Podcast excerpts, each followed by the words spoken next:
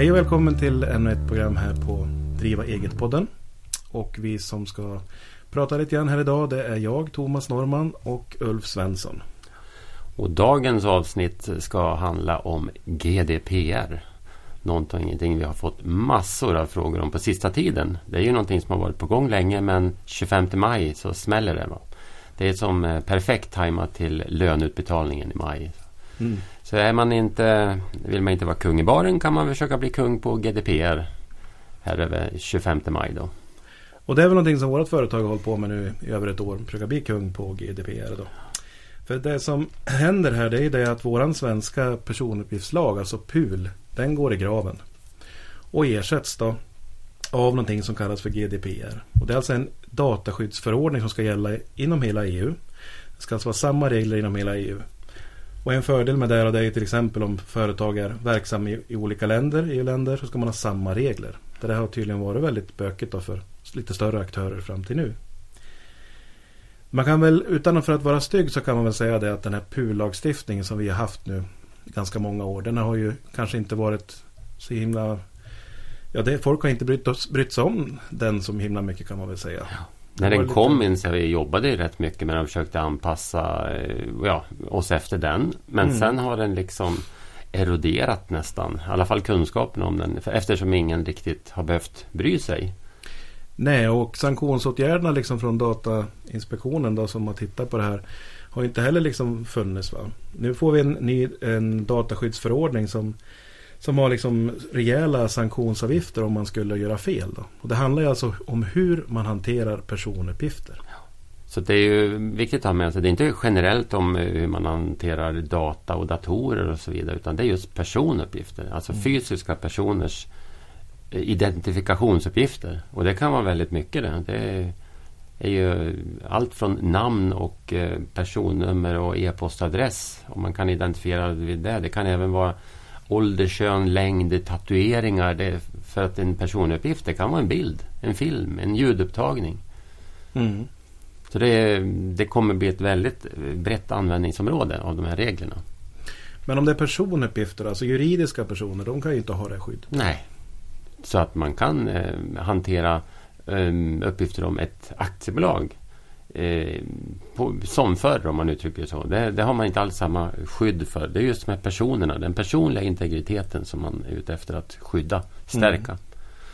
Men om vi säger att jag ja, gör ett inköp i tjänsten då. Då är det Björn Lundén information. Och så står det mig som attention och så kanske det står min mailadress där då.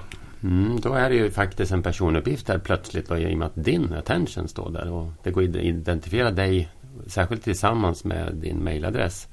Ditt namn är ju inte jättevanligt men det är heller inte så ovanligt att man kan identifiera dig kanske bara på namnet. Men, eh, men heter man ett sonnamn så är man ju ganska svåridentifierad till exempel. Men i kombination med något annat mm. då kan man ju bli identifierad. Och då är det ju vips en personuppgift. Som inte själva, adress då. Ja, mm. Så det, då är det inte aktiebolagets namn som är personuppgiften utan det är attention och mm. mailadressen. Så att eh, visst, det kommer att eh, omfatta även juridiska personer gör saker tack vare deras anställda. Mm. Eller på grund av ska vi säga.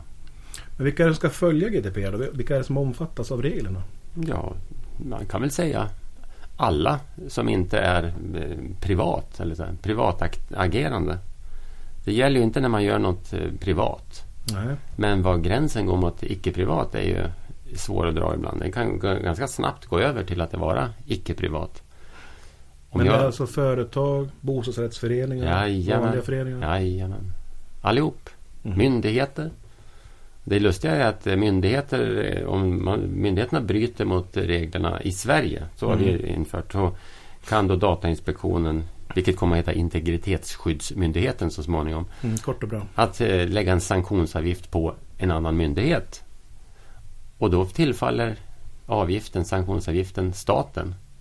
Så att sen kan ju myndigheten få tillbaka den pengen då för att täcka sin utgift för sanktionsavgiften. Mm. Nej men så har vi reglerat det. Eh, och vi har ju finansierat den här myndigheten, eller gör det med allmänna medel. Det finns ju länder inom EU som har valt att eh, avgiftsfinansiera den. Att de ska leva på det de drar in. Okay. Så att jag skulle vara lite mer försiktig med att hantera personuppgifter i till exempel Spanien som tänker göra så. I mm. Sverige är vi lite snällare. Vi vi, de, vi låter inte myndigheten leva på sanktionsavgifterna. Nej. Men man säger ju data, hantering av data och så. Då.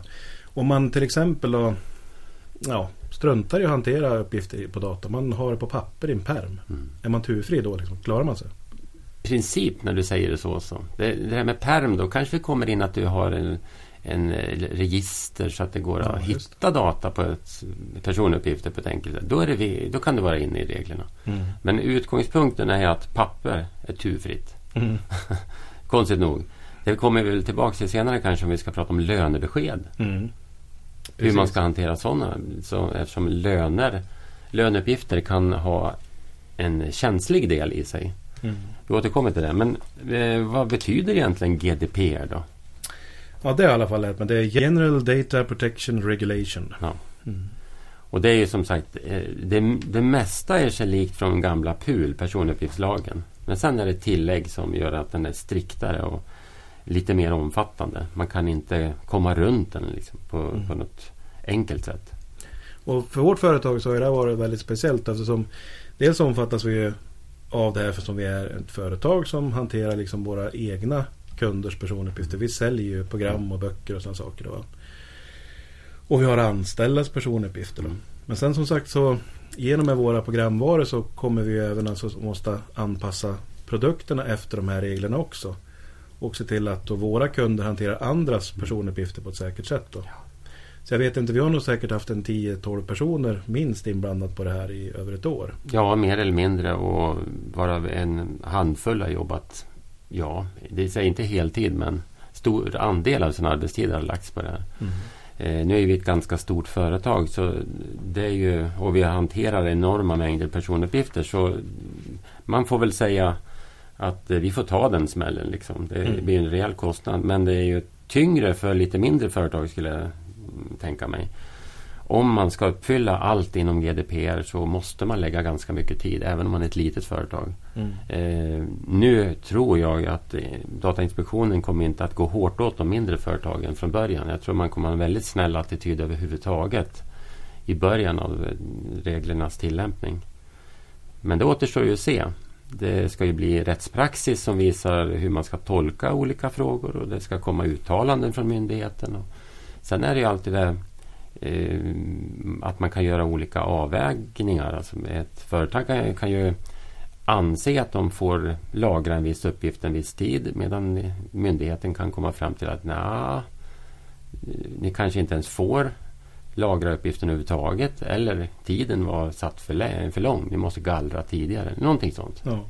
Så det handlar alltså, en del är alltså att man ska, man ska förvara eller lagra på ett säkert sätt om man säger så då? Det är en del och sen så kort som möjligt kan man väl säga. Eller mm. rätt tid. Mm.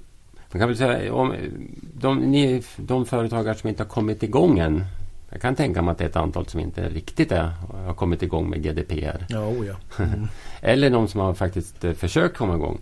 Vad är det minsta man behöver göra? Alltså vad är det man behöver kunna visa upp om man skulle få en eh, granskning av Datainspektionen? Ja, då skulle jag säga att man behöver inventera. Alltså titta på vilka personuppgifter hanterar vi och i vilka situationer. Så man inventerar personuppgiftsbehandlingar som man säger. Det låter ju konstigt, det är ett konstigt uttryck. Mm. Behandla. Men behandla att behandla en personuppgift det kan vara att du registrerar någonting. Att du knappar in i datorn alltså ett namn eller att du skickar en faktura. Att du sparar eh, en, en, ett dokument. Mm. Att du tar en bild. Så det gäller alltså att sätta sig ner och fundera hur hanterar vi personuppgifter här och vad finns det för personuppgifter mm. inom organisationen? Alltså? Ja. Mm. Och då, vi har ju på vår hemsida en undersida som heter integritet. Alltså blindfo.se integritet. Där har vi skrivit hur, dels hur vi gör och sen har vi lagt ut eh, hjälpchecklista. Hur man tar, tar sig fram här då, steg för steg. Vi har gjort eh, lite små mallar som man kan använda. En Excel-mall för just den här inventeringen till exempel. Mm. Och där man kan, det är ju, ett litet företag är det ju vanligt att man kanske har anställda. Det, är ju en, det finns ett antal behandlingar som man gör med anställda. Det är ju löneregistrering och det kan vara sjukskrivningar och det kan vara eh, anställningsavtal. Och, ja, det, det, är ett antal. Mm. Och sen har man ju fakturor, kvitton. Man skriver kundernas uppgifter på något dokument. Mm. Eh, ofta ett faktureringsprogram. Leverantörsfakturor. Så det är ganska lika från företag till företag i grunden. Eh, sen kommer man in till kanske vilken speciell bransch man är i. Man kanske är hyresvärd. Då är det hyreskontrakt och hyresavier och sådär. Mm. Man kanske är fotograf. Ja, då är det ju alltså själva bilderna som man tar. Och man kan ha, då kommer man in på vad får man behandla för personuppgifter och på vilken grund. Så det beror lite på verksamheten. De allra, allra flesta företag är det ju ganska enkelt för att man har de här administrativa rutinerna. Där, där träffar man på personuppgifter. Och man har en rättslig grund till varför man gör det. Man har ju ett avtal om att skicka över en vara eller utföra en tjänst. Man har ett avtal om, som gör rätt att man kan kräva betalt. Eh, Sen har man väl rättslig grund också om det skulle om GDPR till exempel skulle krocka med annan lagstiftning. Till exempel att man måste lagra saker enligt bokföringslagen. Mm. Uppgifter om anställda så har man väl också ja, enligt reglerna i LAS att man alltid ska kunna liksom beräkna mm. anställningstid och sådana saker. Ja precis, som de lagliga skälen. Det, det, finns ju ett antal. Så mm. det är ju helt riktigt. Så de, du har dem och du har rena avtal med kunder och så vidare. Så det är, inget, det är sällan något stort problem när man faktiskt sätter sig ner och knåpar ihop den där listan. Nej. Nej, precis. Vi har ju till exempel om man tänker så. Vi har, vi har ju, vi, enligt de här reglerna så skulle vi knappast kunna spara uppgifter om någon kund som har köpt en, en bok om moms 2003 till exempel. För 15 år sedan. Ja, det känns ju kanske lite väl. Va? Det finns ju något som heter intresseavvägning. Ja. vi kan ju komma fram till att jo, men det finns skäl för oss att spara uppgiften för att kunna informera kunden om att nu har det kommit en ny upplaga. Eh, men frågan hur länge då? Mm. Eh, avtalet med kunden är ju över sedan länge. Det, det är ju, var ju när kunden betalade fakturan. Då var mm. det klart. Liksom. Sen har vi bokföringsreglerna som gör att vi sparar reskontraposten och alltså räkenskaperna så. Men just i kundregistret, namnet på kunden och så. Hur länge kan det vara rimligt att vi har kvar den uppgiften? 15 år? Nej, verkligen inte. Men eh, kanske tre år eller någonting sådär. I och med att det handlar om skatter. Mm. Det är relevant att få en påminnelse om att läs inte den där gamla boken. Det är nytt nu. Men eh, det där är någonting som man får pröva sig fram i varje företag. Men eh, och då måste man alltså som, som företagare eller förening eller sådär. Man måste alltså vara aktiv på den här fronten och gallra. Mm. Dels ska du ha en... Eh, du ska ju konstatera för varje sån här behandling. Alltså till exempel kundregistret. Mm. När ska du gallra? Hur lång tid kan det gå innan du ska gallra? Eh, mejlen, mejlingkorgarna. När ska de gallras? När ska de tömmas? Deletas? Mm. Eh, du måste ta ställning till allt det här. Um, så det är ju riktigt. Så just den här lagringstiden eller eh, ja, sparande, spartiderna, de är ju väsentliga. Nu är det viktigast att man tänker till. Det behöver inte visa sig att man hade rätt. Man kommer ju inte att få en sanktionsavgift om man faktiskt har tänkt till och visar i den här listan, Excel-filen, att här har vi tänkt. Eh, inspektionen kan ju säga ni har tänkt fel. Det var inte, ni kan inte spara de här i fem år. Mm. Vi tycker bara två år, säger inspektionen. Men kommer ju inte att åläggas en sanktionsavgift då, är jag rätt säker på. Nej, just sanktionsavgiften också när man diskuterar har liksom poppar ju ofta upp när man pratar med folk. Det märker man ju. Mm. Och det har ju sin grund till att det finns ju liksom en maximal sanktionsavgift som man kan liksom studsa till för. Det är alltså en sanktionsavgift på upp till 20 miljoner euro eller 4 procent av den organisationens omsättning. Alltså det största av de värdena. Men jag menar, säg då att det bara blir 20 miljoner euro om man då har högre omsättning. Så. Men det är ju liksom Det är ju inte något bötesbelopp som en redovisningsbyrå i, i ja, en svensk redovisningsbyrå liksom skulle kunna råka Nej. ut för om man Nej, alltså en småföretagare eller till och med ett lite större företag kommer inte att få den typen av avgifter. Nej. Första tiden tänker jag mig att det knappast döms ut någon avgift alls. Sen så är i de här mindre, när man faktiskt har försökt så, så lär det bli en erinran. Liksom, att man får en påpekan av gör, gör det bättre, gör om. Mm. Eh, sen om det upprepas att man inte skärper sig utan eh, man bara hugger i med vi sparar allt hundra år. Ja då är det väl troligt att det blir sanktionsavgift. Mm. Men inte på de där nivåerna liksom. Sen har vi lite rutiner också om man då skulle ha personuppgifter som läcker ut på något vis då. Vi säger att man då skulle få ett intrång i någon server på ett företag. Man Mm. blir av med personuppgifter eller delar med sig för mycket av det. Då finns det även regler att man måste anmäla sådana dataintrång. Ja, man måste ju snabbt kartlägga vad som har hänt och sen om det, man ser att jo, men här har det skett en incident. Då ska det anmälas till Datainspektionen inom 72 timmar. Så det måste man också ha en rutin för att snabbt agera. Och det är just att man, om man inte rapporterar, det, då kan man ju få en sanktionsavgift. Om man rapporterar in, ja, då ligger man ju bra till. Liksom. Då har man ju uppfyllt den delen åtminstone. Sen kan det visa sig att du har så bristfälliga rutiner att det här är ju, har ju varit eländigt liksom, skött. Mm. För mycket handlar ju om det också, att det ska vara en säkerhet kring personuppgifterna. Ehm, Och då är vi inne på en allmän så här, datasäkerhet, att man har lösenordsskydd, att eh, skärmen stängs av, att eh, man inte ställer väskan med bärbara datorn i avgångshallen på, eh, på Centralen i Stockholm och går och köper korv. Liksom allt det där. Låsta lokaler, kanske inpasseringskontroll på större företag där man har känsliga uppgifter som hanteras. Mm. Så det är lite olika. Ett litet företag kan man, uppfyller man det enkla med att man har, man har antivirusprogram, man har eh, låsta datorer där att de går ner i stängt läge efter en kvart, halvtimme. Att eh, man faktiskt kan ha, ha lås på dörren in till servern eller lite sånt där. Då är man ju, då har man ju nått långt. Mm. Så att det är liksom kartlägga vad som finns. Mm. Bra rutiner. Och sen också då rutiner för om det går fel. Alltså hur man ska agera då. Ja. då. Det är ganska bra sammanfattat. Så att, eh, då har man ju kommit nästan i mål för ett litet företag skulle jag säga. Mm. Sen kan det vara att du, du anlitar en... Säg att du är ett litet företag. Du anlitar en redovisningsbyrå som hjälper dig. Eller att du har en eh, dataföretag som hjälper dig med dina, datorer. Då ska du ha ett avtal med dem eh, som heter personuppgiftsbiträdesavtal. Ett fantastiskt alfabetord. om Man Mm. kan få in det. Många poäng. Långt och besvärligt. Men alltså det är ett biträdesavtal som man säger. För då är det ju någon annan som kommer hantera personuppgifter för din räkning. Det där kommer ju förmodligen redovisningsbyråerna och dataföretagen så, och säga till själva till sina kunder att det här behöver vi ha. Egentligen är det kundens ansvar men det kommer, kommer man ju att göra. Så kommer ju till exempel vi på BL att göra. Vi har ju mm, många, många tusen kunder som kör våra programvaror.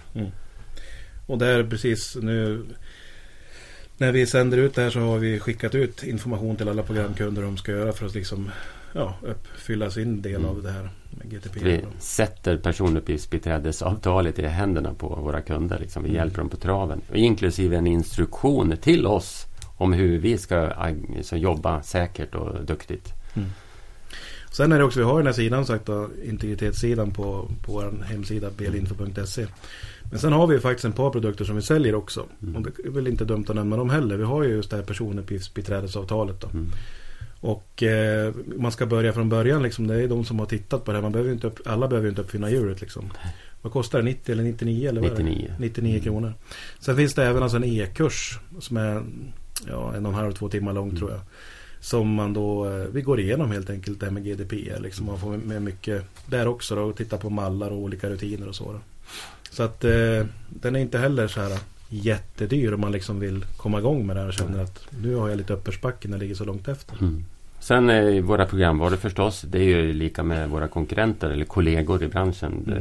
De fixar ju sig programvarorna så att eh, det går att gallra. Det går att få ut registerutdrag. Mm. Eh, Det går att eh, flytta data, dataportabilitet. Många knepiga ord här. Mm. Men det finns ett antal rättigheter som eh, personerna har enligt GDPR. Och det är till exempel att få veta vad en viss närings, ett företag eller myndighet har för personuppgifter om mig. Det är ett registerutdrag. Man kan få flytta vissa personuppgifter. Om jag till exempel vill byta försäkringsbolag. Då vill jag inte fylla i alla mina uppgifter igen. Utan då flyttas de mellan försäkringsbolagen. Dataportabilitet. Mm. Så det, och det här med vilka rättigheter man har, vilka, eh, vilken personuppgiftspolicy, vilka rutiner man har.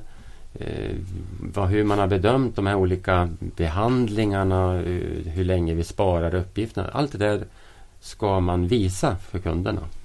Mm. Och man gör det enklast att göra som vi är på hemsidan. Eh, har man ingen hemsida eller får inte få till det, att man kan göra det att man lämnar med ett papper varje gång man får en order. Eller, alltså i varje kontakt måste man i sådana fall göra det. Redogöra för hur man hanterar personuppgifter. Ja. Alltså. Men det enklaste är att ha det på en hemsida och sen kanske när man skickar mail ha en länk till den sidan i avsändaren. Alltså i signaturen i mejlet. Mm. Kanske säga det i telefonväxeln eh, på företaget som välkomstmeddelande. Mm. Vill du veta om vår personal eller personuppgiftspolicy, se hemsidan. Mm. Det ligger också i de här reglerna att man ska hela tiden informera kunderna eller kontakterna om eh, vad, hur man gör. Nej, det har också varit mycket liksom, diskussion om just det att man då har rätt som privatperson liksom, att vända sig till företag och myndigheter att få ut vad de har registrerat. Och då måste det mm. finnas de rutinerna i programvarorna. Liksom. Mm. Så att, eh, sitter man till exempel med en gammal programvara och tycker att jag uppdaterar mitt program bara då och då när jag verkligen tycker att det behövs. Så kanske man skulle titta på en GDPR eh, uppdatering liksom, som gör att man anpassar sig till de reglerna. Då, då finns ju de som kör fast installerat och inte kör mot moln och sådana mm. saker också. Så att det kan ju vara intressant. Mm. Men, ja, eh, man kan ju säga troligtvis så blir det en hel del programbyten eller uppdateringar nu närmaste tiden och att väldigt många kommer att ta sig upp till molnet. Mm. För att det blir säkrare datahantering där om man kör med i inloggat läge i molntjänster. Mm.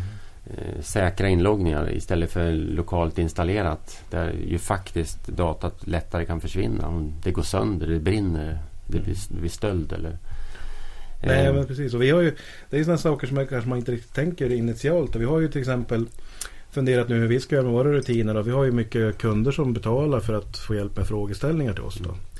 Dels har vi det jag och Ulf jobbar aktivt inom frågeservice till vår nyhetstjänst. Och då kommer ju, det händer ju då och då i mejlen att det är bifogade filer alltså med skarpa personuppgifter. Man kan se vilka det är som frågar om vad och sådana saker och vilka det gäller. Då. Mm. Och lika så är det ju vissa programsupport har ju mer eller mindre sådana uppgifter också. Mm. Och det är frågan om då hur man ska göra. Ska man tillåta kunderna att skicka in sådana mejl till oss? Då får ju vi liksom den här hanteringen då. Då kommer, för då kommer vi osökt in på den här mest heta frågan verkar som. Mm. Det är det med mejl. Precis. Alltså, och egentligen kanske mest då lönebesked eller löneuppgifter via mejl.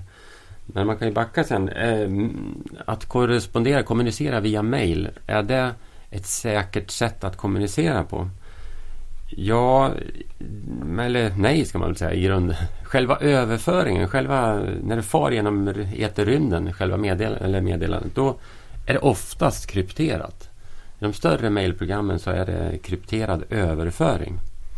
Så det kan sällan hackas eller kommas åt den vägen. Men sen är frågan hur är det med på skärmen från avsändaren och hos mottagaren. Då är det ju klartext. Det vill säga att det är synligt där. Där och då, liksom, eller senare. Så att eh, det är inte krypterad mottagning och avsändande. Så att det är bara halvkrypterat om man uttrycker det så. Men om man vänder på det, det är mina personuppgifter. Om, du, mm. om Björn Lundén Information skickar min lönespes mm. och säger att jag ska ha den på mail, skicka det. Varför gör ni inte det då? då? Skicka det bara. Då har vi frågan om det är en säker metod att eh, säga att eh, lönehanteraren knappar in fel personnamn. Mm. Eller nu går det mer automatiskt från programmet men ponera att det går iväg till fel person eller till flera. Eller, men jag har ju sagt att det är okej. Okay. Det är mina personuppgifter. Jag tycker att det bryr mig inte. Men det kan finnas någonting där i. Som vi inte... Det spelar ingen roll att du säger att det är okej. Okay. Som vad då? Det är så kallad känslig personuppgift. Åh tusan. Och det är inte så, alltså det behöver inte vara känsligt med personnummer till exempel. Eller ja, hur gammal man är eller vilket kön man har. Eller så. Utan det känsliga uppgifter enligt GDPR det är till, till exempel om hälsa, mm sjukdom, karensavdrag, eh, rehabilitering. Eh, alltså de där orden. Det kan man inte eh, det är känsliga uppgifter. Liksom facklig tillhörighet. Fackavdrag till mm. exempel. Så det, det duger alltså inte att en anställd säger att det är okej? Okay. Nej. Nej. Då måste du hantera det på ett säkert sätt enligt GDPR. Och det är inte via mail. Annat än om det är helt krypterat. Alltså först har du gett en anställd en krypteringsnyckel. Inte via mail då.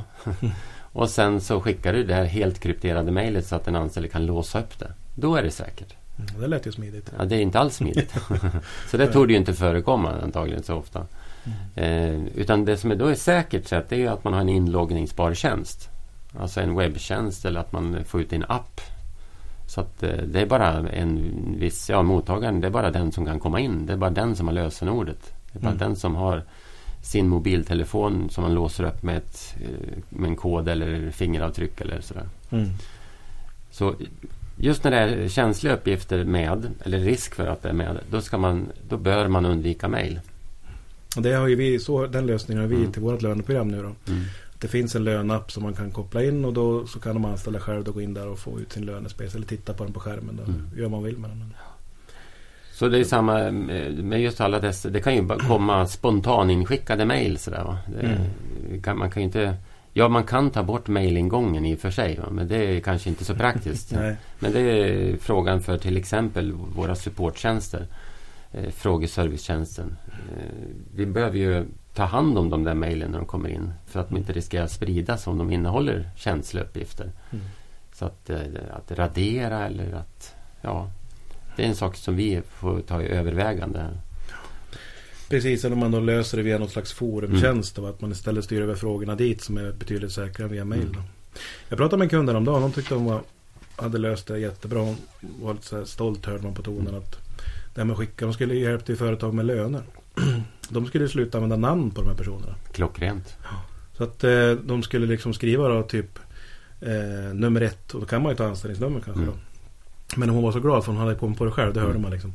Nummer ett va, och så står det massa uppgifter om nummer ett och nummer två. Och sen de mottagaränden då, de har också en lista av vem är nummer ett och nummer två och så. Mm. Man vill ha den på papper då kanske. Mm. Ja, men det är, det är faktiskt vad vi tipsar om. Anonymisera, då går det att mejla. Ja. Men om jag skickar eh, lönebesked anonymt. Alltså jag anonymiserar ett lönebesked och skickar till en viss person. Då kan man ju lista ut med tårna vem det gäller. Ja. Så det är ju inte så bra. Men Nej. däremot till exempel mellan företag och en byrå. Mm. Eh, eller om den ans- när man rapporterar in saker. När man rapporterar in så är det ju inte någon större fara att mejla in. För då är det ju från mig in till en viss behörig person. Som då, där kan man ju sätta en rutin då att eh, mottagna mejl som går till löneavdelningen eller lönehanteraren. Den, de ska raderas Mm. efter man lyft över uppgiften till löneprogrammet till exempel. Så att det går ju att hitta vägar som gör att GDPR inte behöver allt för krångligt. Men du, innan man höll på så mycket med att mejla. Då kanske man brukar få sin lönespec i ett kuvert med ett frimärke på. Funkar det? Jajamän. Postnord anses helt säkert enligt GDPR. ja, precis. Det kanske inte är åt det hållet man går, men vi får ju sådana frågor också ja, ja. Jo, nej, det finns ju några som återgår till papper faktiskt. Mm. Ehm, annars så tycker ju vi att det är ju inte många kronor det kostar att ha en till exempel en lönapp eller en, Nej. en sån där webbtjänst där man lämnar över. Det finns ju Kivra och allt möjligt man kan använda. Det är bara frågan vad programmen är anpassade för. Man kan väl nästan säga att det finns ju lönappar att få som kostar alltså per anställd och månad Mm. vad ett, eh, mindre än vad ett porto kostar. Ja, så visst. Så att det, Så att det är ju... ja, ehm, har vi något mer kul att säga om GDPR? Ja, våra kunder då. Men som sagt, det var ju lite intressant liksom just det här. Det är ju så himla brett liksom. Allting Ja. kan ju nästan bli en personuppgift under detta förutsättningar. Mm. Eh, ja, jag vet inte riktigt vad vi har. Någon, har någon? Vi får in mycket frågor som sagt. Så att eh, Men då, en specifikation via mail tror jag faktiskt är den mest populära. ja, den är riktigt het. Ehm, Fakturer via mail då? Var vi inne på det? nej, det sa vi ingenting om, men det är ju inget problem. Nej. Alltså, det kan man utgå ifrån att en faktura innehåller normalt inga känsliga personuppgifter. Alltså det innehåller inte uppgifter om sjukdom och, och facklig tillhörighet och religiös tillhörighet. Mm. Eh, det är en faktura normalt, nu pratar vi kanske inte läkarföretag och så, men vanliga tillverkande eller tjänsteproducerande företag så är det ju en referens. Det är, eh, det kan vara ett vattnummer, alltså ett momsnummer som kan Mm. vara ett personnummer indirekt. Då. Mm. Eh, Men det är ju inte känsliga uppgifter och man har ett avtal om att leverera en tjänst eller vara så det är ju helt okej. Mm. Så att eh, fortsätta med sina vanliga faktureringsrutiner det, det går i regel bra. Alltså. Ja. Såvida man inte är läkare eller något. Mm. Kan du, vet du hur det är? För det har vi också liksom stött på här ibland också med, med foton då. Mm.